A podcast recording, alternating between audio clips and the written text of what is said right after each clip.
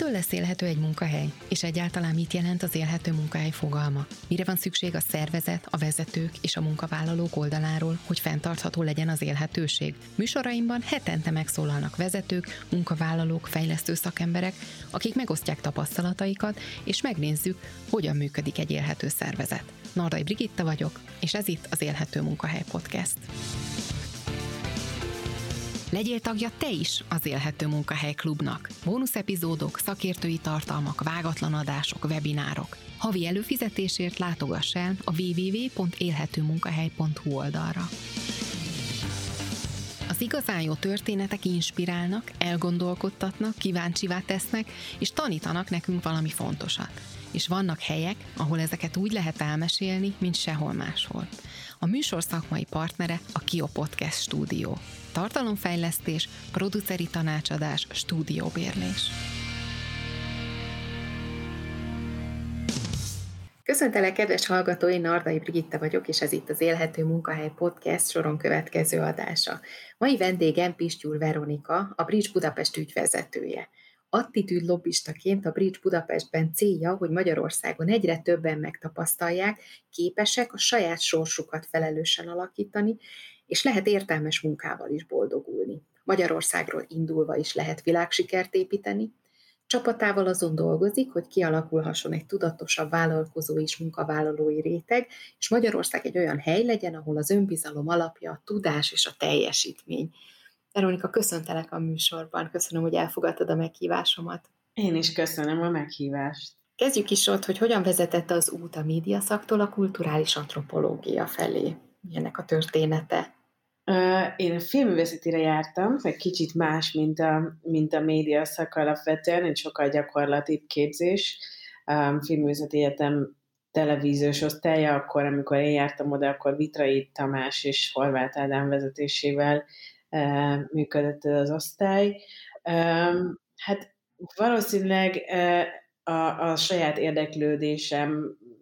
sokrétűsége az oka annak, hogy, hogy én általában nem álltam meg egy területen, illetve volt egy nagyon rosszul hangzó mondat még, a, még az egyetemen, hogy sok mindenhez nekünk nem kell érteni, hanem mindenhez kell egy kicsit érteni, és engem ez akkoriban nagyon zavart, és úgy éreztem, hogy akkor leszek ö, ö, valahogy kiteljesedettebb, hogyha ha, ha, ha van legalább egy olyan terület, ami, ami nagyon az enyém.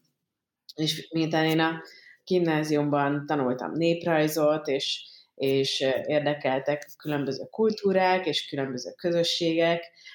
ezért valahol ezen a területen kerestem, és akkoriban az antropológia egy nagyon progresszív területnek tűnt, Magyarországon nagyon kevés helyen oktatták, most se oktatják sok helyen, és,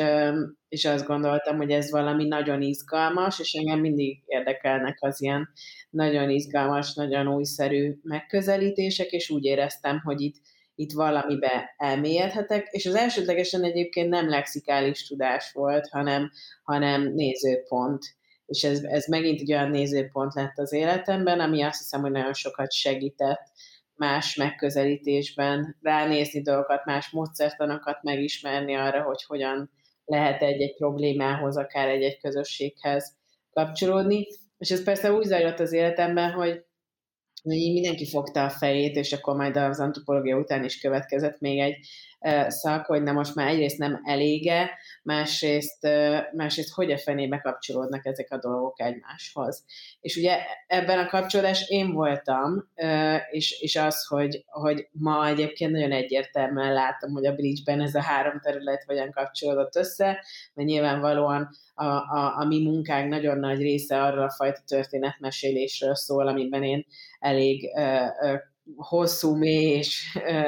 komoly tapasztalatot szereztem tizenéven keresztül, akár a televíziózás világában, ami pont arról szól, hogy próbáljunk meg minél több olyan történetet bemutatni, megmutatni az embereknek, ami bizonyíték arra, hogy lehet másként vállalkozást építeni, lehet másként működni, lehet másként vezetői attitűdről gondolkodni. Ez az egyik halmaz. Nyilván ez egy, ebben van egy nagyon erős antropológiai megközelítés is, ahogy egyébként a, a, működünk, és a közösségek értése, vizsgálata az az egész életem része, hiszen, hiszen közösségeket építünk, valamiféle módon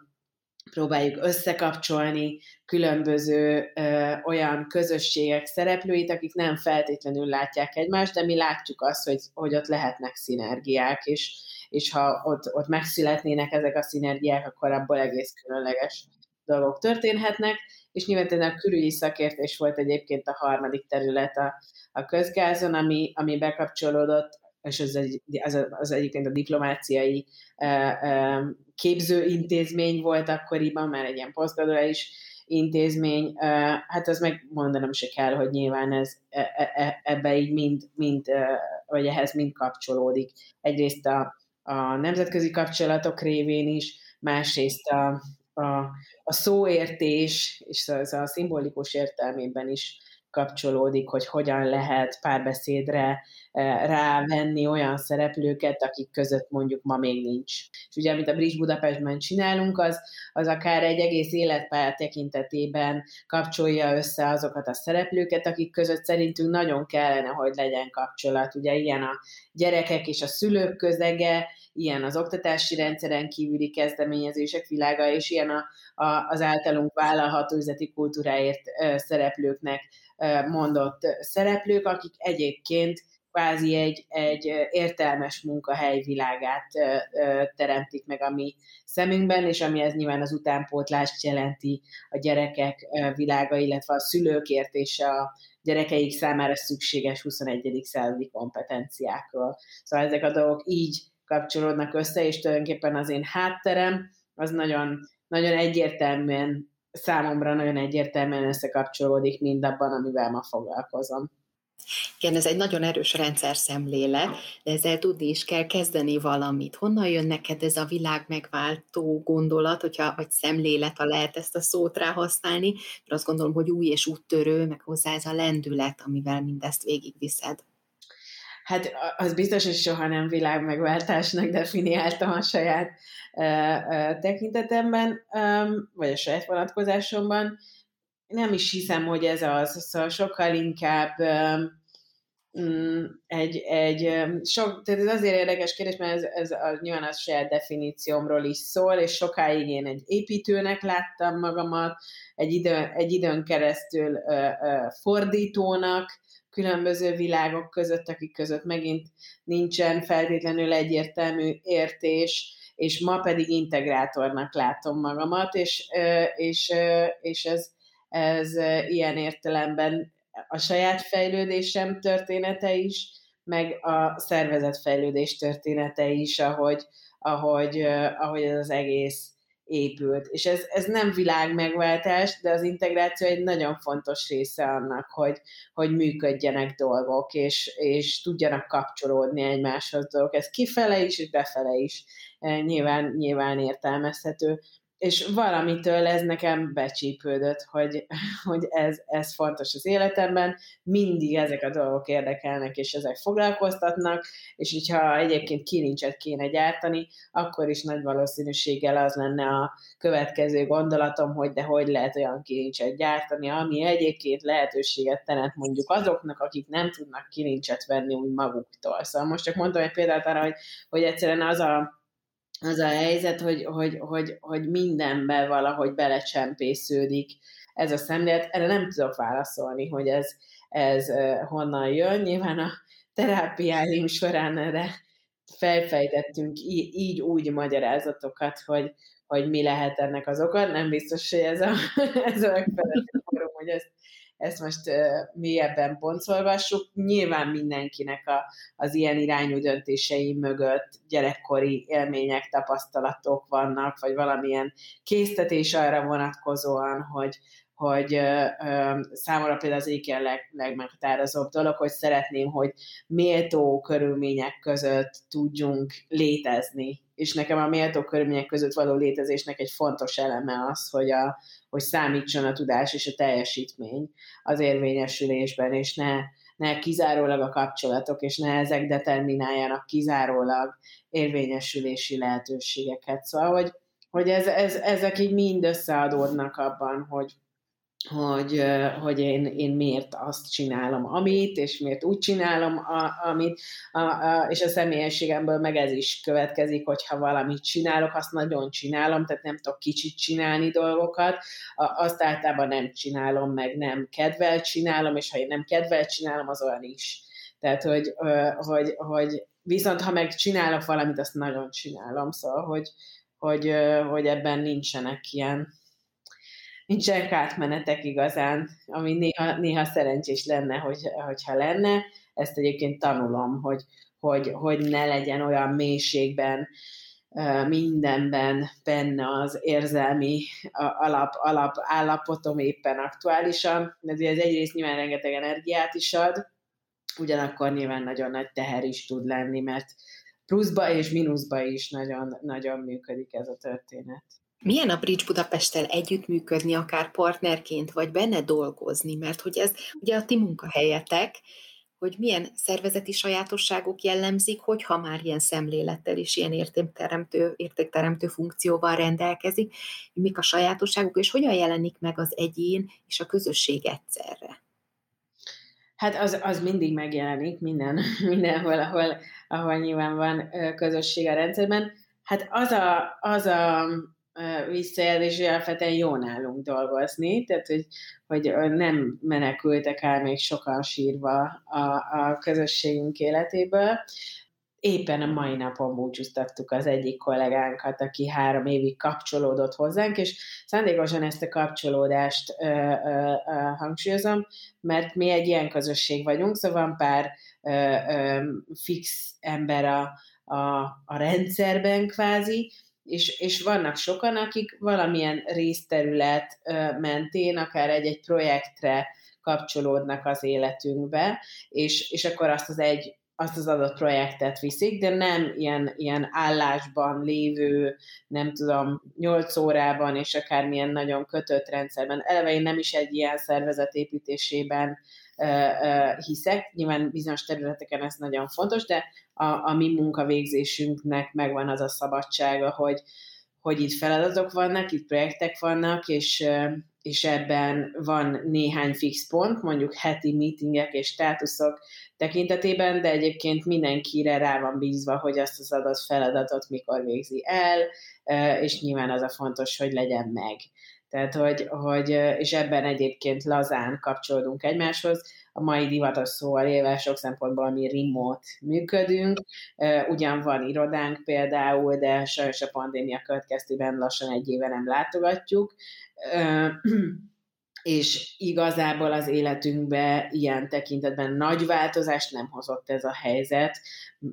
annyiban igen, hogy nem egy asztal körülülünk, és beszélgetjük meg a, az aktuális dilemmáinkat, kihívásainkat, hanem monitorok előtt, de, de egyébként mi egy ilyen, egy ilyen lazán kapcsolódó szövetség vagyunk, ami, amiben, amiben megvannak az egyes területeknek, az egyes projekteknek a felelősei, és én azt, azt is ö, ö, érzem, hogy ez is megsokszorozza igazából a hatékonyságunkat, hogy nagyon pontosan meg van határozva, hogy kinek mi és hol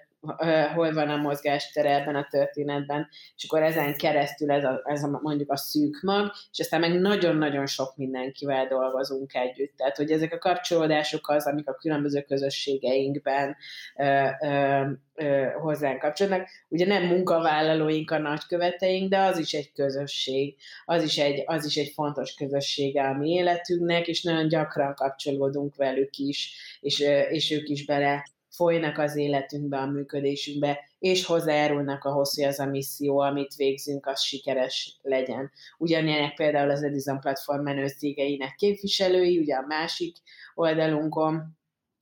ami, ahol, ahol szintén ezek a céges képviselők egy nagyon fontos közösséget jelentenek, vagy az Edison platformnak a gondolkodók köre, ami megint csak egy közösség, megint egy lazán kapcsolódó közösség, nagyon pontosan meg van határozva, hogy mi a célja a velük való kapcsolódásnak, miért ad ez adott esetben mind a két uh, szereplőnek. Szóval, hogy, hogy én, én bennük is úgy gondolkodom, vagy róluk is úgy gondolkodom, akik, akik, akik végül is velünk együttműködve vannak. És akkor ott van például száz pontosabban már 200 nem egészen 2163 egészen pontosan oktatási rendszeren kívüli gyerekeket fejlesztő kezdeményezés, ők is egy közösség, akik egy, egyébként sok időt töltünk, mindenféle fejlesztési lehetőségeket biztosítunk számukra, egyébként még próbálunk a fenntarthatóság kapcsán is lépéseket tenni, hogy, hogy ez is könnyebb legyen. De az is egy közösség. Szóval mindenféle közösségek épülnek rá a magon túl a, a, a mi életünkre, és velük együtt építkezve és haladva ö, működünk. De egyébként, ha azt kérdezed, hogy munkavégzésben ez milyen, ilyen, és velem, tehát hogy én is elég sok mindenre figyelek, szinte kényszeresen, hogy, hogy, hogy, hogy, uh, hogy tegyem élhetővé, ha már így beszélgetünk azt a, azt a munkát, amit egyébként pont, hogy kérdeztél, az az amplitúdó azért az én munkavégzésemre is jellemző, és és meg kellett tanulnom, hogy nem tudom, hogy ne küldjek éjfélkor e-maileket, meg hétvégén, meg, meg ilyenek, de hogy ezeket nagyon, nagyon pontosan tiszteletben tartom, és, és hát pontosan tudják a kollégák, amikor hétfőn reggel 8-kor egyszer csak beesik 20 darab e-mail, hogy azt én valószínűleg hétvégén írtam, de figyelek rá, hogy hétfőn reggel érkezzen meg, és ne, ne az legyen, hogy, hogy pénteken éjfélkor valaki kap még egy e-mailt, bár már azt hitte, hogy lezárta a hetet ez azért egy fontos vezetői hozzáadott érték, hogy erre is figyelsz, mert számos olyan vezetővel is találkozom én is, aki hasonlóan működik, hogy nem igazán tud kikapcsolni, és amikor jön az ötlet, ő küldi, és ez igen frusztrációt tud okozni igen. a szervezetben, hát erre érdemes figyelni. Milyen kihívásokkal nézel most szembe? Ugye azt említetted, hogy egy éve már ilyen nagyon távoli a remote-ban dolgoztok. Mik a mostani időszakban a kihívások számodra? Ez egy érdekes kérdés, mert mi az évnek egy olyan periódusában vagyunk, amikor a megvalósítási szakasz van, és sok dilemmánk van, amiket kitűztünk magunk elé az év második felében, tavaly még célként, de hogy közben meg nagyon pontosan látjuk egy menetrend szerint azt, hogy, hogy milyen feladataink vannak, mik vannak előttünk, és akkor volt pár olyan dilemmánk, vagy olyan új lépésünk, amiben, amiben ma, ma, még, ma, még, ma még megfejtések hiányoznak, mert nagyon közel vagyunk hozzájuk, de például, és azért, nem, azért beszélek rébuszokban egy kicsit, mert nem akarok konkrétumot mondani még, csak akkor, amikor már ezek megszületnek, de hogy kb. azt kell elképzelni, hogy, hogy van most például egy dilemmánk, amivel a, szóval a vezetők körében végzett vezetői érzékenyítés témánkban van egy téma, amivel szeretnénk tovább lépni, és ennek keressük a, a megfelelő üzeneteit és formáit, hogy hogy tudjuk ezt a lehető legjobban átadni és elmondani, amit ezzel az egésszel akarunk. Ez például most egy, egy komoly aktuális kihívás, illetve van egy olyan országos hálózatosodást érintő témánk, amin szintén dolgozunk hosszú ideje, és, és szintén egy kész koncepcióval szeretnénk majd a, a saját közösségünk elé állni, és azt nézni, hogy hogyan lehet majd minél több szereplőt megmozgatni, és összekapcsolni ezekből a különböző közösségekből. Szóval ez az egyik, vagy ez a másik terület, és persze a szervezetünk, mint egy civil szervezet vagyunk, a, a fenntarthatósága az mindig egy kihívás, tehát az folyamatosan kihívásokat ró ránk, de az előző két terület az, az pont ezt építi és erősíti, és nyilván olyan dolgokkal foglalkozunk, amik egyrészt építik az ügyet és a missziót, de adott esetben segíthetik a fenntarthatóságot, és ez egy állandó fejtörés, hogy hogy, hogy lehet úgy tenni, hogy az, az, az, az, az be tudja biztosítani a létezésünket is, és közben szolgáljuk az ügyet, amit, amit csinálunk, és ez ne, ne forduljanak meg ezek, a, ezek az arányok, és vannak ilyen fontos mondataink, hogy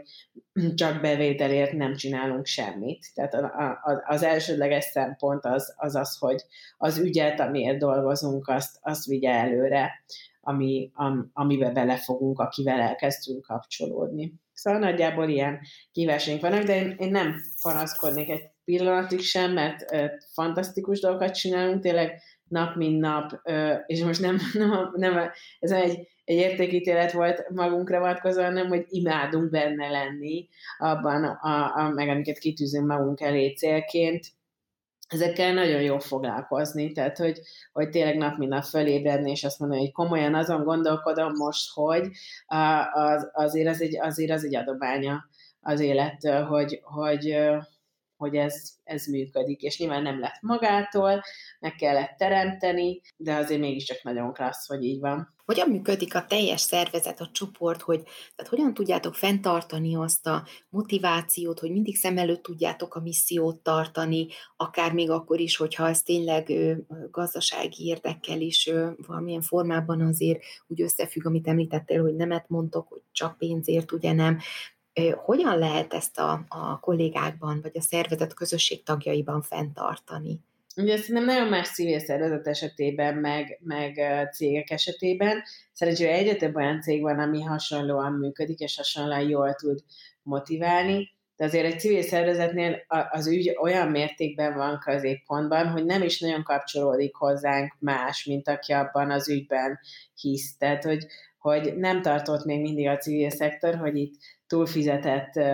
szereplők legyenek, és nagyon felül legyen árazva, tehát azért aki ide elkezd kapcsolódni, az valamint nagyon keres, valami nagyon mást keres, mint amit eddig látott, vagy, vagy közösségi oldalon, vagy értelmes munkavégzés tekintetében, vagy valami más tekintetében. Szóval ezért nekünk arra emlékeztetni, hogy, hogy mi miért dolgozunk, az, azt nagyjából soha nem kell, hiszen minden aktivitásunk erről szól. Szóval minden egyes aktivitásunk az, az valamelyik elemét húzza alá annak, amit csinálunk. Tehát itt ö, ö, csatolnék vissza, hogy nekünk nem abban kell motivációt létrehozni, hogy kilincset gyártunk, és azt szeres csinálni, hanem pontosan tudod, hogy egyébként mi most gyerekeket fejlesztő kezdeményezéseket szeretnénk reflektorfénybe állítani, elismerni, összekapcsolni, segíteni a láthatóságokat és a fenntarthatóságot, minden egyes tevékenysége ennek a történetnek ehhez kapcsolódik, vagy a vállalkozati kultúráért közösségben minden, minél több olyan céget szeretnénk megmutatni, amelyik így működik, ami bizonyíték arra, hogy lehet így működni, és ott sem makulátlanságot keresünk, hanem ezt a törekvést szeretnénk mutatni. Szóval, hogy, hogy ebben mindegyik fázisában a munkánknak e, ez villog. Tehát, hogy azért nem kell erre külön ö, emlékeztetni, hogy hello, hello, itt azért van egy ügy a rendszerben, amiért mi dolgozunk, miközben nem tudom, nyomtató patront kell rendelni. Hát nyilván ilyen dolgok vannak a, az ember életében, de ezek marginális dolgok, a fő feladatok azok, azok, azok mindezekhez kapcsolódnak. Említetted a vállalható vállalat, a vállalható üzleti kultúráért mozgalmat. Mit gondolsz, hogy ez egy emberi attitűd, egy hozzáállás, vagy inkább egy vállalati szervezeti kultúra része, vagy is is, vagy egyik következik talán a másikból? Hát igen, szerintem nincsen szervezeti kultúra emberi attitűd nélkül azért azt mégiscsak emberek döntik el, hogy ott milyen kultúra legyen, az nem lesz, nem lesz magától.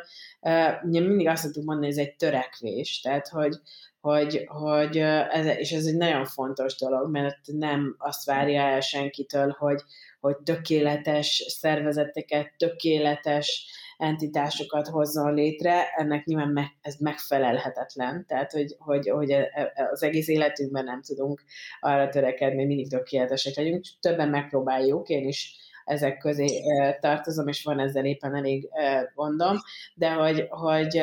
hogy azért ezt be kell látni, hogy ez, ez nem megy, és pont elég, hogyha ha, ha törekszünk rá, hogy, hogy abba, azzal a szándékkal legyünk benne, ahogy, ahogy, ahogy szerintünk jobb lehet, versenyképesebb lehet, szerethetőbb lehet, hatékonyabb lehet, élhetőbb lehet, ha, ha tetszik. Szóval, hogy, hogy ilyen értelemben én azt gondolom, hogy, és ezért van nagyon nagy hangsúly nálunk a vezetői értékeken, a vezetői döntéseken,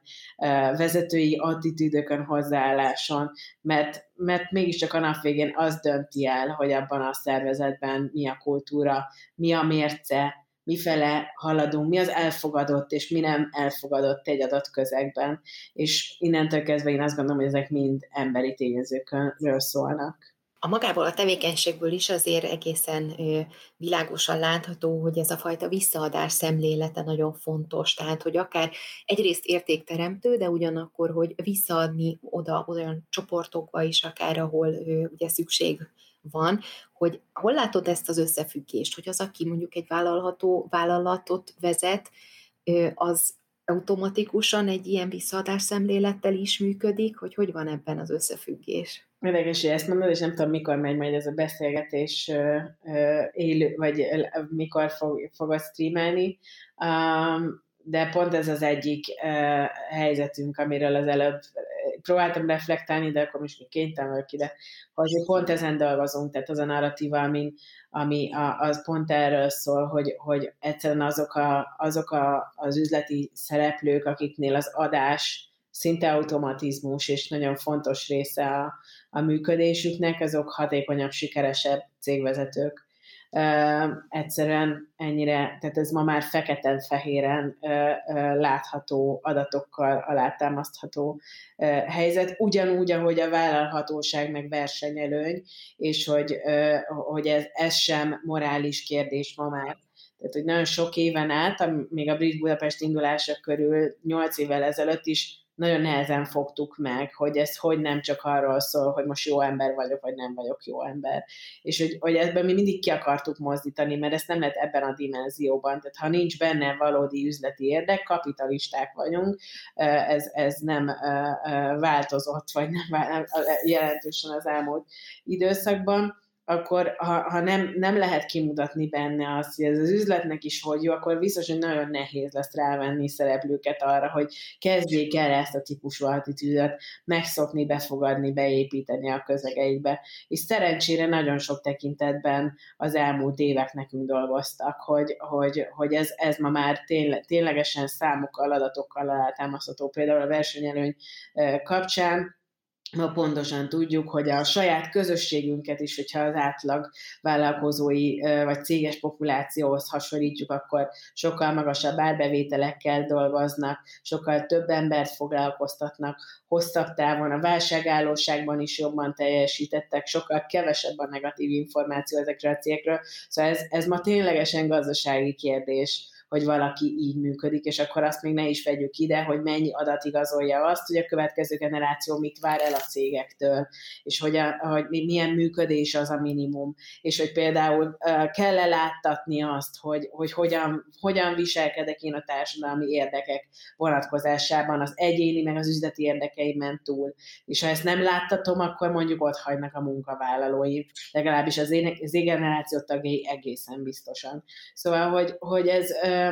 ezek ma már egyszerűen olyan, olyan érdekek, hogy nem lehet nem az értékek mentén tételezni ezeket a dolgokat, ha valaki tényleg komolyan és hosszú távon gondolja. És ezt azért fontos hozzátenni, hogy lehet nem így gondolkodni, és az üzleti életnek mindig is meg lesz az a közege, amit nem a hosszú távú érdekek motiválnak, és a hosszú távú döntések motiválnak, ők nem így működnek, mi nem velük foglalkozunk. És hogyan lehet egy szemléletváltást ebben elérni, hogy akár mi is másképpen forduljunk a civilek felé, és hogy hogyan tudjuk ezt a támogatást hosszú távon is fennadni, mert ugye azért sok cég talán az egy belépő szint, hogy oké, okay, x százalékát egyáltalán felismeri, eszébe jut, és x százalékot mondjuk pénzadományban felajánl. Azt gondolom, utána jön egy következő szint, amikor még inkább valamilyen értékteremtést is hozzátesz. Hogy ezt hogyan lehet fenntartani tényleg hosszú távon, hogy ne csak egy egyszeri történet legyen, egyszer ki tudjuk írni egy posztba, vagy bármiben, hogy ez megtörtént. Hol van ennek a, a gyökere, ennek a fajta szemléletváltásnak? Ha tudnám a,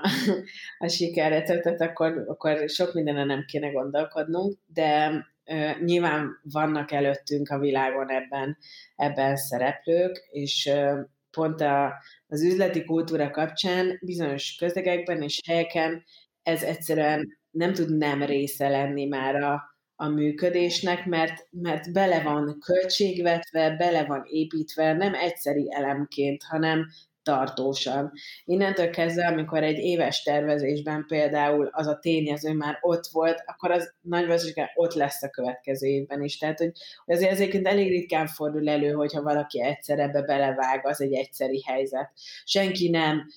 rövid távon szeret azzal időt tölteni, hogy kiválassza a megfelelő partnert. Ha már beleteszi az energiát, hogy kiválassza azt a megfelelő partnert, akkor arra szeretne hosszú távon építkezni, mellesleg a civileknek is ez az érdeke, hogy hosszú távú kapcsolatokat tudjanak kiépíteni. Szóval, hogy, hogy ezek azért ennél, ennél sokkal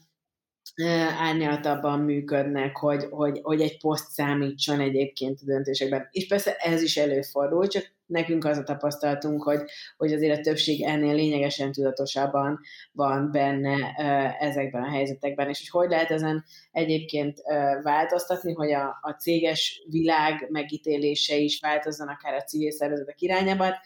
Én, én ezen viszonylag sokat dolgozom, a tavalyi évben írtam egy hosszabb cikket is erről, ami a Force-ban jelent meg, ami pont azokat a, a kettős mércéket veszi figyelembe, hogy hogyan viszonyulunk egyébként a civil szektorhoz, miket várunk el, miket terhelünk rájuk, milyen alapműködéseket ö, sorolunk, és milyen hatást várunk el, miközben nagyon sok mindent nem veszünk észre, hogy nem biztosítunk egyébként ehhez a, ehhez a működéshez, vagy nem veszük figyelembe, hogy, hogy egyébként ott is emberek dolgoznak, akiknek be kell fizetniük a csekkeket vagy nem tudom, és egy csomó olyan társadalmi ügyet vállalnak fel, amihez lehet, hogy nekem személy szerint nem lenne kedvem, de valakinek meg el kéne végeznie, mert elvégezetlen marad egyébként. Szóval, hogy, hogy ezek pont azok az egyensúlyi kérdések, amikről amikor kérdeztél az előbb, szóval, hogy, hogy, hogy igen, ez a visszaadás értelme, hogy, hogy, hogy, hogy hogy, ez, hogy valami kicsit, ami teljesen egyensúlytalan, az valahogy, valahogy tudjon egyensúlyba kerülni az életünkbe. És ezek persze olyan egyensúlyok, amik soha nem voltak, mert soha nem volt az élet kiegyensúlyozva. De ha ma van lehetőségünk arra, hogy tegyünk valamiért, amit igazságtalannak látunk, amit esélytelennek látunk, amit egyenlőtlennek látunk, akkor, akkor miért is ne tehetnénk egyébként ezekért a helyzetekért. Ez látszólag egy hosszú folyamat, ami előtt állunk még ezen a téren, de én azt gondolom, hogy hogy pár év alatt rengeteget fog változni. Egyrészt azért is, mert akár a céges világban is, és pont a következő generációk által támasztott elvárások révén is nem tud nem itt lenni az, hogy, hogy, hogy a cégek elkezdjenek ezzel, ennek kapcsán sokkal tudatosabban benne lenni. Szerintem vagyunk még jó páran ebben a civil szektorban, akik elkezdték azt a fajta munkát, hogy legyen, legyen értés és legyen párbeszéd a különböző szereplők között. Például a Bridge-nek is van egy ilyen programja, amiben a céges vezetőket és az Edison százas oktatási kezdeményezések vezetőit, akik között a zömében civil szervezetek vezetői vannak, őket egy párba és egy kölcsönös vezetői program, programba kapcsoljuk, hogy, hogy tudjanak megtapasztalni nem csak alá fölé rendelt helyzetet ebben a kérdésben, hanem abszolút mellé rendeltet, hiszen minde, mindegyiküknek vezetői dilemmáik vannak, vezetői kihívásaik vannak. Lehet, hogy valaki egy több ezer fős szervezetben teszi ezt, valaki más meg csak egy öt fősben, aminek viszont országos hatása van, ennek a munkának adott esetben, amit végez, de nagyon-nagyon sokat lehet egymástól tanulni, és hogy, hogy egyszerűen el kell kezdeni ezt a párbeszédet is egymással ahhoz, hogy ez tudjon fejlődni, tudjon változni. Én, én elég optimista vagyok ebben a tekintetben, és persze sokan azt mondják, hogy ez még mindig csak ugyanaz a kör, hogy mindig, mindig ugyanaz a pár szereplő, vagy mindig ugyanaz a, a közeg adomány az adott esetben, de én azt látom, hogy ez nem így van, hanem egyre többen értik meg, hogy hogyan lehet az érték egyébként üzleti érdek, és üzleti érték is adott esetben a következő percben, és nincsen egyáltalán baj a posztokkal, amit a, valaki kitesz, és, a, és azt mondja, hogy igen, az én cégem ideális, neki ez az ügy fontos, és ezt támogatja. Sőt, mi ezt abszolút támogatjuk, és magunk is teremtünk ehhez formátumokat, helyzeteket, eszközöket, hogy meg tudjuk mutatni. Mert így működik, igen, valami jár vissza azért a támogatásért cserébe, pusztán a jó érzésen túl is. Ezeket hívom én talán élhető civil szervezeteknek, mert akik ott részt vesznek, abban a munkában és abban a tevékenységben talán nők akkor ugyanúgy szeretnének egy olyan élhető munkahelyen vagy programban részt venni, ami számukra is kellemes. Még egy fontos kérdés nekem a civilek forrás teremtése, hogy ezt te hogy látod, mert azért a Bridge Budapest egy kivételes maga az alapítása, én úgy gondolom, vagy lehet, hogy csak nekem nincs elég információm ebben, hogy volt néhány olyan jól gondolkodó, akik, akik ezt támogatták ennek a létrejöttét, hogy ebben tudsz valamilyen útmutatást adni a civilek felé, hogy ugye egyrészt maga az alapítás, és utána a hosszú távú fenntartás, az meg már ugye egy másik kemény munka, hogy a forrás meg tudják teremteni a működéshez. Igen, de ez velünk is így van, tehát a mi alapítóink is az el, első néhány évben adtak segítséget, ami egyébként nélkülözhetetlen és nagyon-nagyon fontos volt, és egyébként a Prezi is támogatója például a Bridge Budapestnek, bár folyamatosan ö, ö, csökkenő mértékben, de nekünk is meg kellett teremteni egyébként a saját finanszírozásunk vagy fenntarthatóságunk ö, kereteit, és ez, igen, ez egy nagyon, nagyon nehéz folyamat, és nem lehet nem tudatosan benne lenni, pontosabban benne lehet, és látjuk a többséget, hogy, hogy meg mi magunk is sokáig adott esetben még sodródtunk is ebben a, ebben a kérdésben. Én abban hiszek, hogy minél, minél diversifikáltabb kell, hogy legyen a, a háttér, és nehéz vagy nem szerencsés, hogyha nagyon egy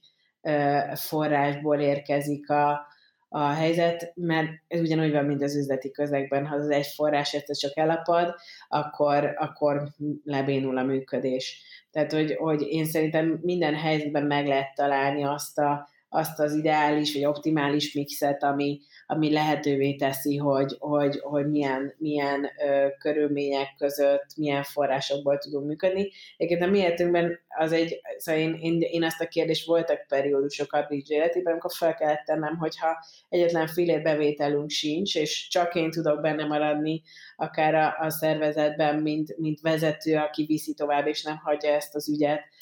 elveszni, akkor, akkor én, én csinálom ezt egyetlen fillér bevétel nélkül, és akkor amikor elég határozottan azt tudtam válaszolni, hogy igen, akkor azért az megnyugtató volt a saját misszióm tekintetében is, és szerintem ez fontos látni, hogy nyilván ezt egyikünk se feltétlenül úgy akarja csinálni, hogy ebből ne származon semmilyen bevétele, és ez abszolút helytelennek is gondolom, hogy hogyha nem keressük azt, hogy hogyan tudunk értéket adni ilyen módon is annak a munkának, amit a civilek végeznek, de, de, de, de érdemes nagyon tudatosan végig gondolni, mérlegelni, hogy igen, mekkora szervezettel mit és mennyit lehet elérni, és hova lehet eljutni, és megnézni, hogy az a forrás, ami ahhoz kell, az, az milyen, milyen területekről hogy jött össze. Mert ugye kellett, hogy legyen egy nagy eszmélése a, a civil közegnek, és ezeket zajlik, és a mai napig, hogy, hogy nem lehet kizárólag pályázati forrásokból működtetni szervezeteket, vagy legalábbis olyan kitettséget ad hosszú távon az is egy szervezetnek, meg egy csomó olyan dolgot helyez be, szóval nagyon sokan élnek ugye úgy, hogy pályázatról pályázatra repkedve foltozgatják be a hiányzó lukakat a, a rendszerben, ami, ami szerintem nem, nem azt a működést eredményezi, ami optimális, mert, mert azt hozza létre, hogy mi ugyan létrejöttünk valamire, de most valami másra van pályázati forrás, és akkor én betemködöm a lukokat, közben nem haladok azzal, amit csináltam, csak valami kicsit hasonlóval, vagy valami, ami, ami úgy nagyon halványan kapcsolódik, és akkor azt addig csinálom, ameddig van a pályázati forrás, utána egyszer csak elhal meg véget ér, szóval ezek, és ez a finanszírozás is pont, amit kérdezte, ezeknek meg kell változniuk, tehát ez, ez nem, lehet, nem lehet elvárás a civilektől, hogy a saját működésükre ne költhessenek például, hiszen nagyon sok finanszírozónak az az elvárása, hogy működési költségre nem. De hát könyörgöm, akkor, akkor, akkor mi, tehát nem lehet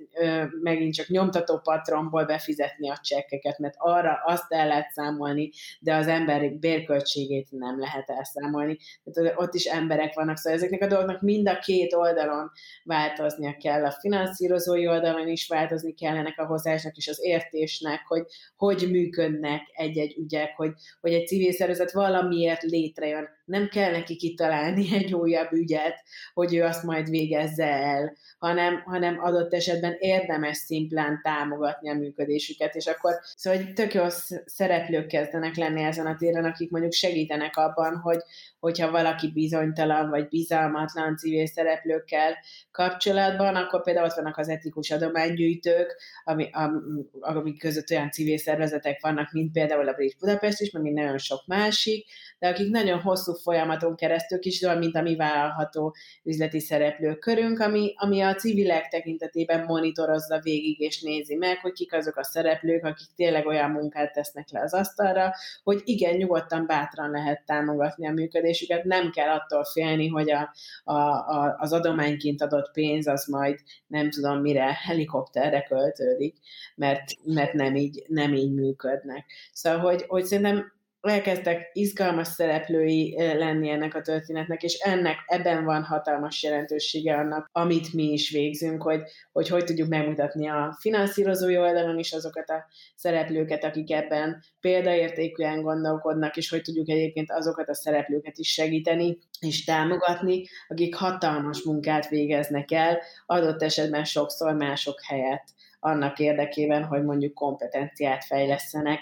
és ezzel esélyt teremtsenek gyerekek számára. Igen, én is úgy gondolom, hogy valahol itt van a jövő, és én is látok egyre több kezdeményezést is ezen a vonalon. Térjünk rá egy picit az élhetőségre. Neked melyik tevékenységet kapcsolódik legjobban így az élhető munkahely témaköréhez? Hát az, hogy azzal foglalkozom, amit szeretek. Tehát, hogy, hogy ez a, e, e, és, hogy, és hogy egész életemben törekedtem arra, hogy ki tudjam alakítani azt a közeget, azt a környezetet, azt a tevékenységi kört, ami ilyen, hogy én, én nem csinálok semmit muszájból. És azt hiszem, hogy, hogy így az egész életemre igaz ez, hogy, hogy próbálok ilyen saját magam számára, és nyilván a környezetem számára is ilyen élhetőbb helyzeteket teremteni. Mit jelent számodra az üzlet emberi oldala? Olvastam egy ilyen szlogent az egyik honlapon. Igen, ez a Bridge Business oldalunknak, ez az üzleti blogunk, az összes közösségünkbe tartozó üzleti szereplőnek ez az a felülete, ahol, ahol bemutatjuk őket mélyebben, ahol, ahol vannak velük kapcsolatban interjúk, kérdezfelelek verziók, vagy videók is,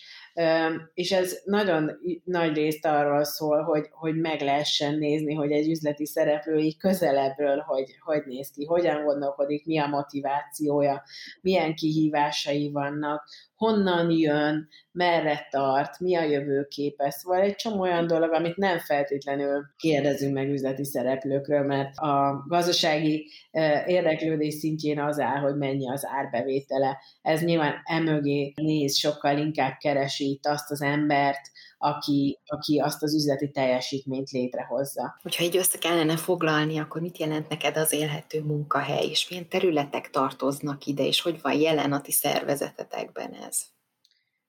Hát szerintem csak ismételni tudom magamat ezen a, ezen a téren. Én szerintem az élhető munkahely az, ahol az ember ö, nagyon erős támogatást kap, és ö, tud adni is, nyilván ezeken ö, ö, keresztül, ahol úgy érzi, hogy a helyén van, és ahol, ahol valamiféle módon ki tud teljesedni abban, amit, amit, amit gondol. Értékteremtésről,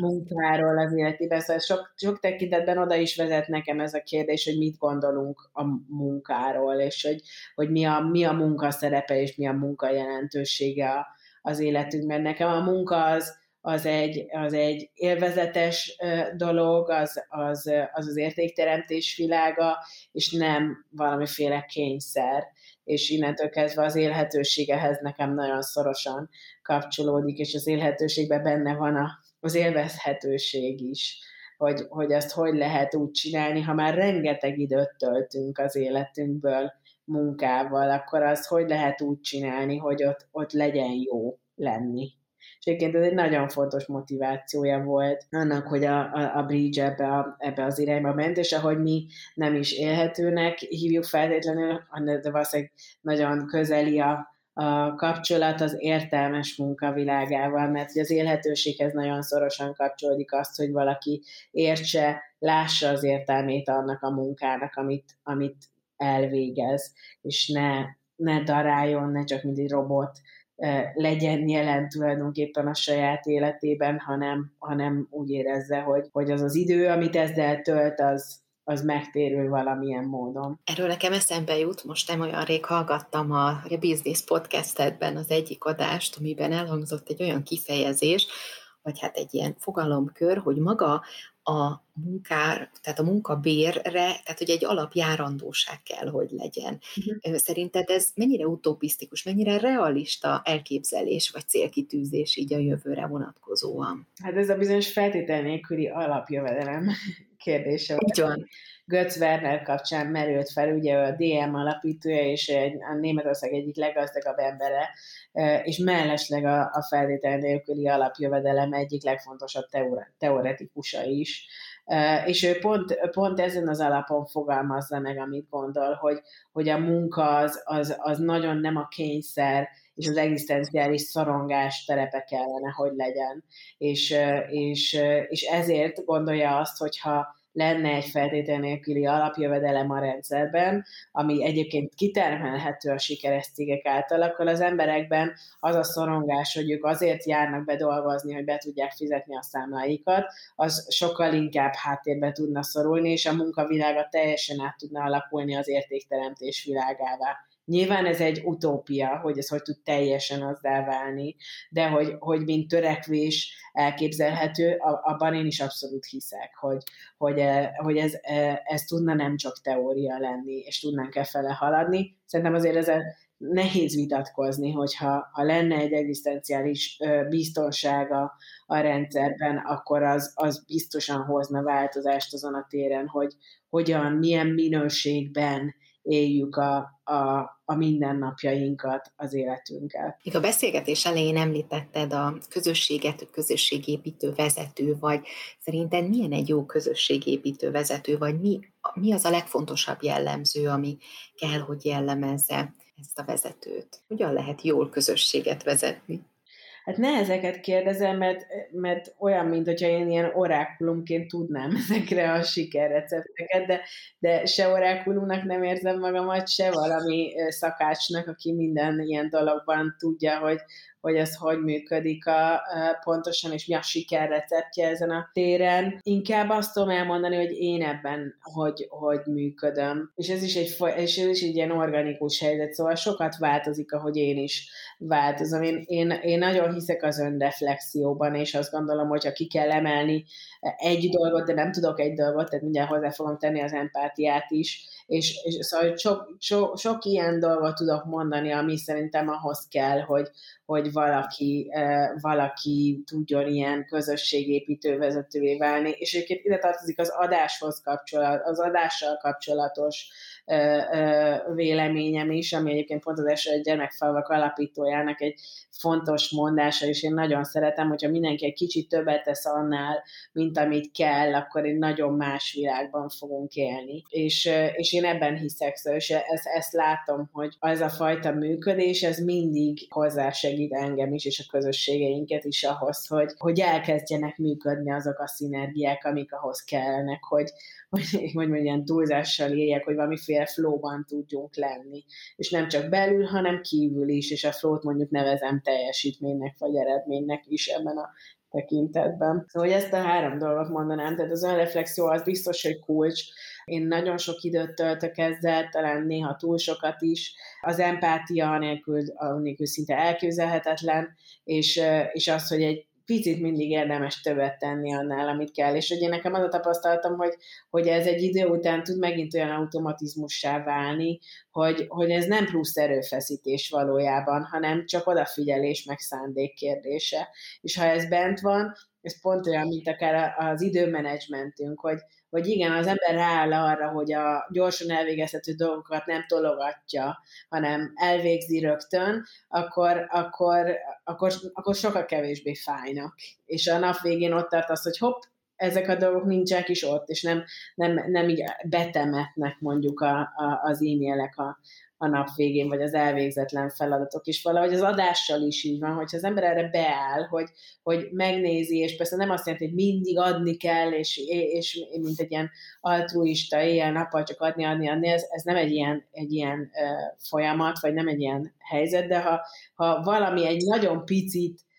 látszik, hogy rajtam is múlik, és nekem az csak egy e-mailembe kerül, akkor én ezt általában meg szoktam tenni. Tehát, hogy abban nem mérlegelek, hogy hú, az az e-mail most mennyi percet vett el az életemből, és ha azt a sok percet összeadom, az már hány nap, és a többi, hanem, hanem sokkal inkább azt mondom, hogy nekem ez egy pici dolog volt, a más életében meg nagyon, nagyon sok, vagy nagy, nagyobb jelentőségű lehet, és akkor, és akkor azt megpróbálom beletenni, de persze ez egy nagyon nehéz egyensúly, szóval, hogy, hogy mikor, mikor mond az ember ebben a tekintetben nemet, hogy tudjon nemet mondani, akár a saját érdekében, a saját életminősége érdekében, ezzel, ezzel van dolgom, szóval, hogy ezzel, ezzel, ezzel nekem is van fejlődési szükségletem. Igen, az fontos, hogy mindig csak abból tudunk adni, ami van, és hogyha az elfogy, akkor érdemes. Igen, de ez egy ilyen öngerjesztő folyamat, tehát hogy, hogy pont attól, hogy így az ember benne van ebben a, ebben a körben, után a, folyamatosan vissza is töltik.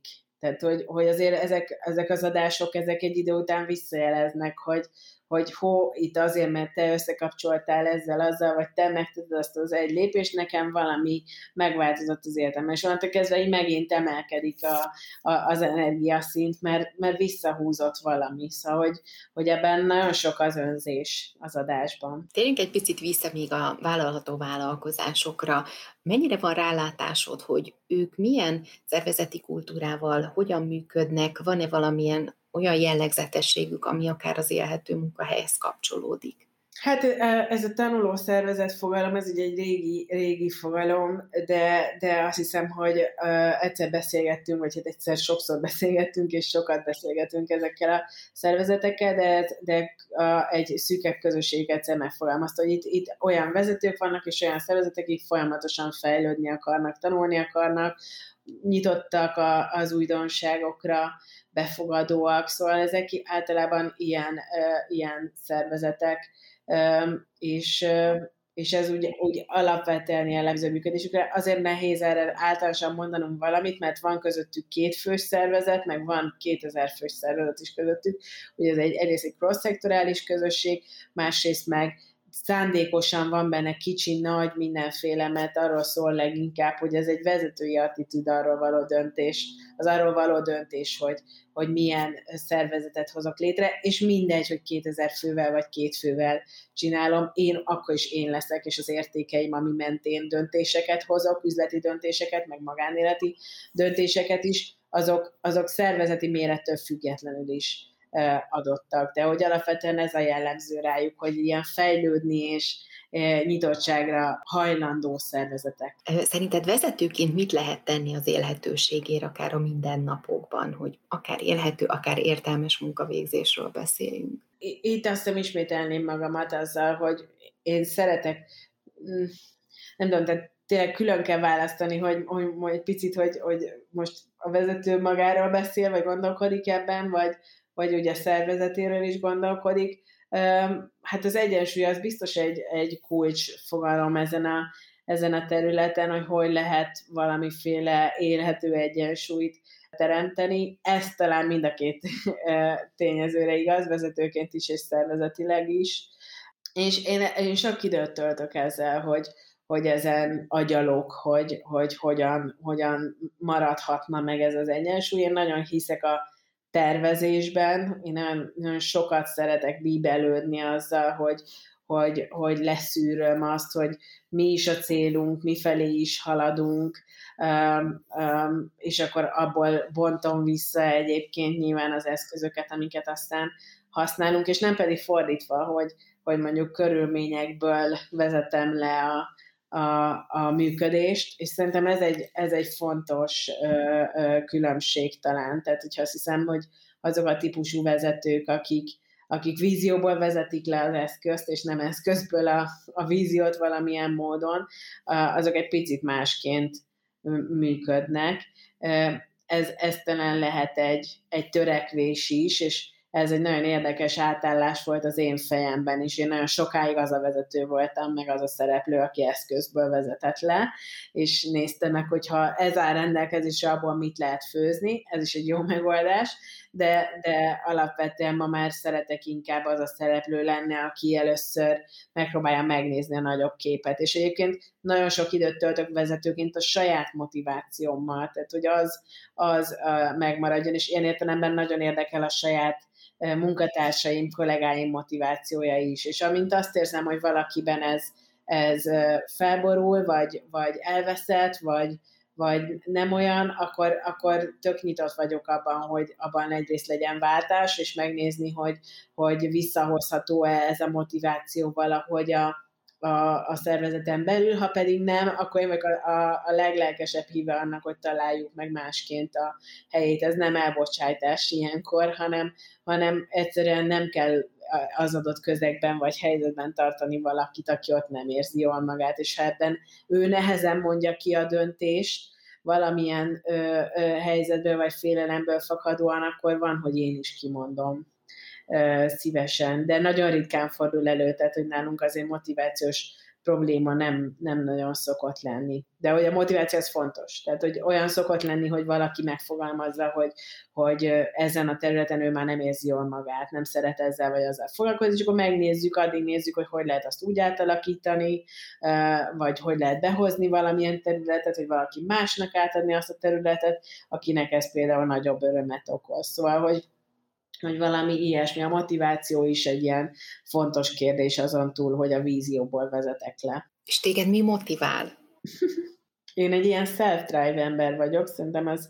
uh, tehát hogy én, én nagyon tudom magamat motiválni, mindig, mindig vannak ilyen vágyaim, hogy, hogy a hatás az egy biztos fontos, fontos tényező az életemben, hogy én szeretnék hatással lenni, és és úgy gondolok a világról dolgokat, meg ilyen alapműködésekről dolgokat, és, és nagyon erős motiváció az, hogy, hogy másokat is rá tudok venni arra, hogy, hogy ebben kezdjenek el gondolkodni, vagy, vagy, vagy vegyék észre ennek az előnyeit, meg lehetőségeit, és akkor miután ebből egyre több van ebből a helyzetből, meg ebből az élményből, ez folyamatosan visszatölt, és erősíti annak a hitét, hogy ez nem egy fantazmagória volt, még ha úgy is tűnt évekkel ezelőtt, hogy, mi, tehát, hogy azért az a Bridge életében hosszú időn keresztül volt, hogy hogy így kedvesek vagyunk, hallgatták, amiket mondunk, de hát annyira szürreális, és olyan absztrakt, és olyan messze van a mi üzleti valóságunktól, meg világunktól, és hát azért, azért nagy élmény volt, amikor az elmúlt egy-két évben ugyanezek az üzleti szereplők azt mondták, hogy, hogy azt látom, hogy amiről beszéltetek, az itt van. És, és, és azért az nagy, nagy elégtétel, és nagy megerősítés abban, hogy, hogy ezt van értelme csinálni, és még ha néha úgy is tűnik, hogy nagyon-nagyon-nagyon messze vagyunk attól az optimális felállástól, de hogy ezek a kicsi sikerek, meg kicsi eredmények a rendszerben elképesztően tudják erősíteni bennem a hitet és a motivációt, hogy van értelme. És honnan jött a Rebusiness Podcast ötlete? Hogy találod ebbe meg magad? Ebbe engem találtak meg. Alapvetően ugye ez a Beaton stúdiónak a podcastja, ahol egyébként a Beaton stúdió vezetője, alapító vezetője, az egyikük, ő, vállalható üzleti kultúráért nagykövetünk, és nagyon régóta, még nem volt nagykövet, hanem még, még üzleti szereplő volt, amikor már elkezdtünk egymáshoz kapcsolódni, és ismertük egymást, és én is követtem az ő útját, és ő is az enyémet, és nagyon sok dologról hasonlóan gondolkodunk, úgy hívják, hogy Hampuk Richard. Alapvetően az ő fejéből pattant ki, ismerve az én médiához kötődő múltamat, hogy, hogy, hogy nagyon szeretné, hogyha ha üzleti tematikában lehetne valamilyen kapcsolódásunk, és akkor miután egyébként ez a, ez a, ez a fajta tudatos, etikus, átlátható üzleti működéshez kapcsolódó terület, ez nagyon erősen kötődik hozzám, ezért ez a, ezek a dolgok itt találkoztak, és, és, és akkor ők adtak egy keretet, én meg sok szempontból tölthettem meg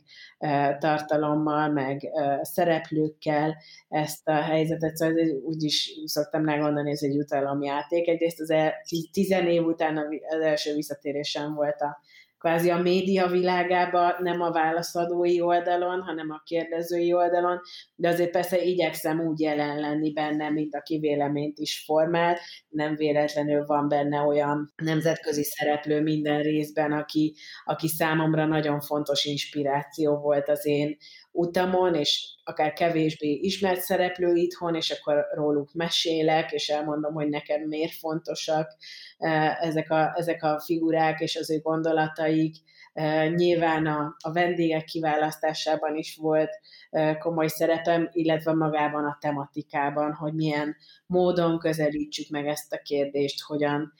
hogyan menjünk közelebb ezekhez a dolgokhoz. Szóval, hogy hogy ez egy nagyon szerencsés találkozás volt, sok dolognak a, az összeérése. Zárásképpen következzen néhány gyors kérdés. Mennyi időt töltesz önismerettelő reflexióval? Hát ezt nem tudom órára lebontani, de nagyon sokat, és az évnek van szakasza, karácsonytájt, nyilván évvége fele, és augusztusban, amikor meg hatványozottan sokat, tehát hogy, hogy egy évben minimum két hosszú periódus töltök azzal, hogy ránézek arra, hogy én, én mit is akarok, hol tartok. Egyébként pedig nyilván napi szinten. Mit olvastál utoljára? Több dolgot is olvasok mindig egyszerre, mert mindig olvasok szép irodalmat, és mindig hallgatok elsődlegesen szakirodalmat. Mariana Mazzucatónak hallgatom éppen a Mission Economy című könyvét. Ő nekem egy nagyon fontos közgazdász figura az elmúlt években az életemben. Nagyon örülök, hogy felfedeztem magam számára. Egyébként volt a Brain Baron is tavaly. Ő, ő ugye nagyon sokat beszél arról, hogy az állam szerepe hogyan kellene, hogy megváltozzon a, a működésben, hogyan kellene az államnak magát is újra definiálnia, és az üzleti közegnek is újra értelmeznie az államhoz való viszonyt, hogy még hatékonyabban tudjunk működni, és be tudják tölteni, és szép irodalomban pedig Bereményi Géza Vadnai Baby című könyvét olvasom éppen. Van példaképed? Nagyon sok példaképen van, tehát pont a The Business Podcastban ezek a nemzetközi példák például zömükben példaképek is, vagy legalábbis, ugye nem tudom itt azt mondani egyértelműen, hogy minden területe az életüknek, hanem nyilván vannak elemei, ami fontos nekem, és a közvetlen környezetemben is vannak példaképek, akik, akik fontosak, és, és nagyon, nagyon szimpatikus valami a működésükből, az életükből, ami, ami, a, amit és ahogy csinálnak. Hogyan látod a Prics Budapest jövőjét? Milyen terveid, céljaid vannak? Hogyan látod azokat a mostani gyerekeket, akik ugye a Bridge Business School-ban tanulnak, hogy ők milyen világban fognak majd élni? Ez egy kicsit megkerülöm ezt a kérdést, mert egy, nyilván felhasználhatnék itt egy 20 éves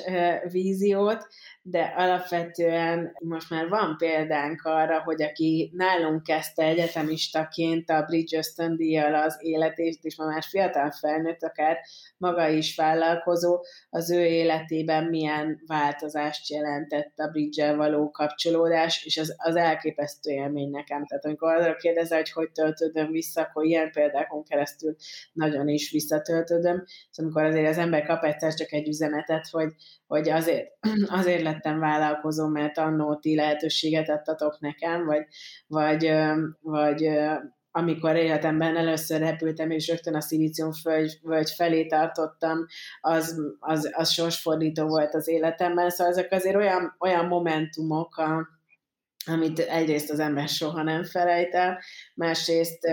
azt hiszem, hogy előrevetítik azt is, hogy, hogy mi az a hatás, amivel mi, mi tudunk lenni, és akár az elmúlt években is van, van sok ilyen szereplő, akár a, a civil szervezeti szereplők között, akik például akkor, amikor az Edison százas listára rákerültek, az az előtti napokban már épp ott tartottak, hogy feladják és abba hagyják, és akkor egyszer csak azt a visszajelzést kapják egy külső szereplő, szereplőtől, ráadásul egy, egy szakmai grémiumtól, ugye, ami gondolkodókörünk működik zsűriként ebben a helyzetben, hogy, hogy az, amit csinálsz, az egészen példaértékű, és ez egy újabb lökést ad számukra arra, hogy, hogy ne adják fel és menjenek tovább, mert elképesztően értékes munkát végeznek. Szóval ezek megint olyan, olyan visszacsatolások, ami, ami, ami, ami nagyon fontos mérföldkő a mi életünkben és a, a munkánkban. Egyébként, ha azt kérdezed, hogy hol fog tartani a Bridge Budapest, akkor nagyon szeretném, hogy egy fontos intézményévé váljon a, a, a hazai életnek, üzleti közegnek, és az üzleti és a civil közeg összekapcsolásának, és annak, hogy hogyan születhetnek csodák és szinergiák ennek a két világnak a, a találkozásából valami ilyesmit mondanék így röviden, és akkor ezt persze nagyon hosszan is ki tudnám fejteni, de ez inkább maradjon a, a jövő zené, és nyilván nagyon szeretném, hogyha a mi szervezetünk is egy fenntartható szervezet tudna lenni, és stabilan tudna működni hosszú éveken keresztül. A még olyan társadalmi hatás, amit majd még szeretnél elérni? Hát persze, rengeteg, tehát itt azért még nagyon sok kiaknázatlanság van, és, és ennek a munkának, amiben mi belekezdtünk, nagyon az elején vagyunk. Szóval, hogy még akkor is, hogyha ebből sok minden látszik, ma már sok minden érthető, ma már ugye nagyon röviden azt szoktam mondani, hogy ha majd mindenki egyetlen mondattal egyértelműen fogja tudni, hogy mi mit csinálunk, az majd egy komoly siker lesz, de ma még nagyon sok mondattal kell magyaráznunk, hogy mi ez a, az integrációs munka, amit például mi végzünk, mi, mi, mi értelme van ezeknek a szereplőknek az összekapcsolásának, amikor ez majd egy ponton nem lesz többet kérdés, na majd akkor lehet, hogy beszélgethetünk arról, hogy, hogy van-e következő, de addig még nagyon hosszú az út. Köszönöm szépen a gondolatokat és a beszélgetést. Én is köszönöm a meghívást.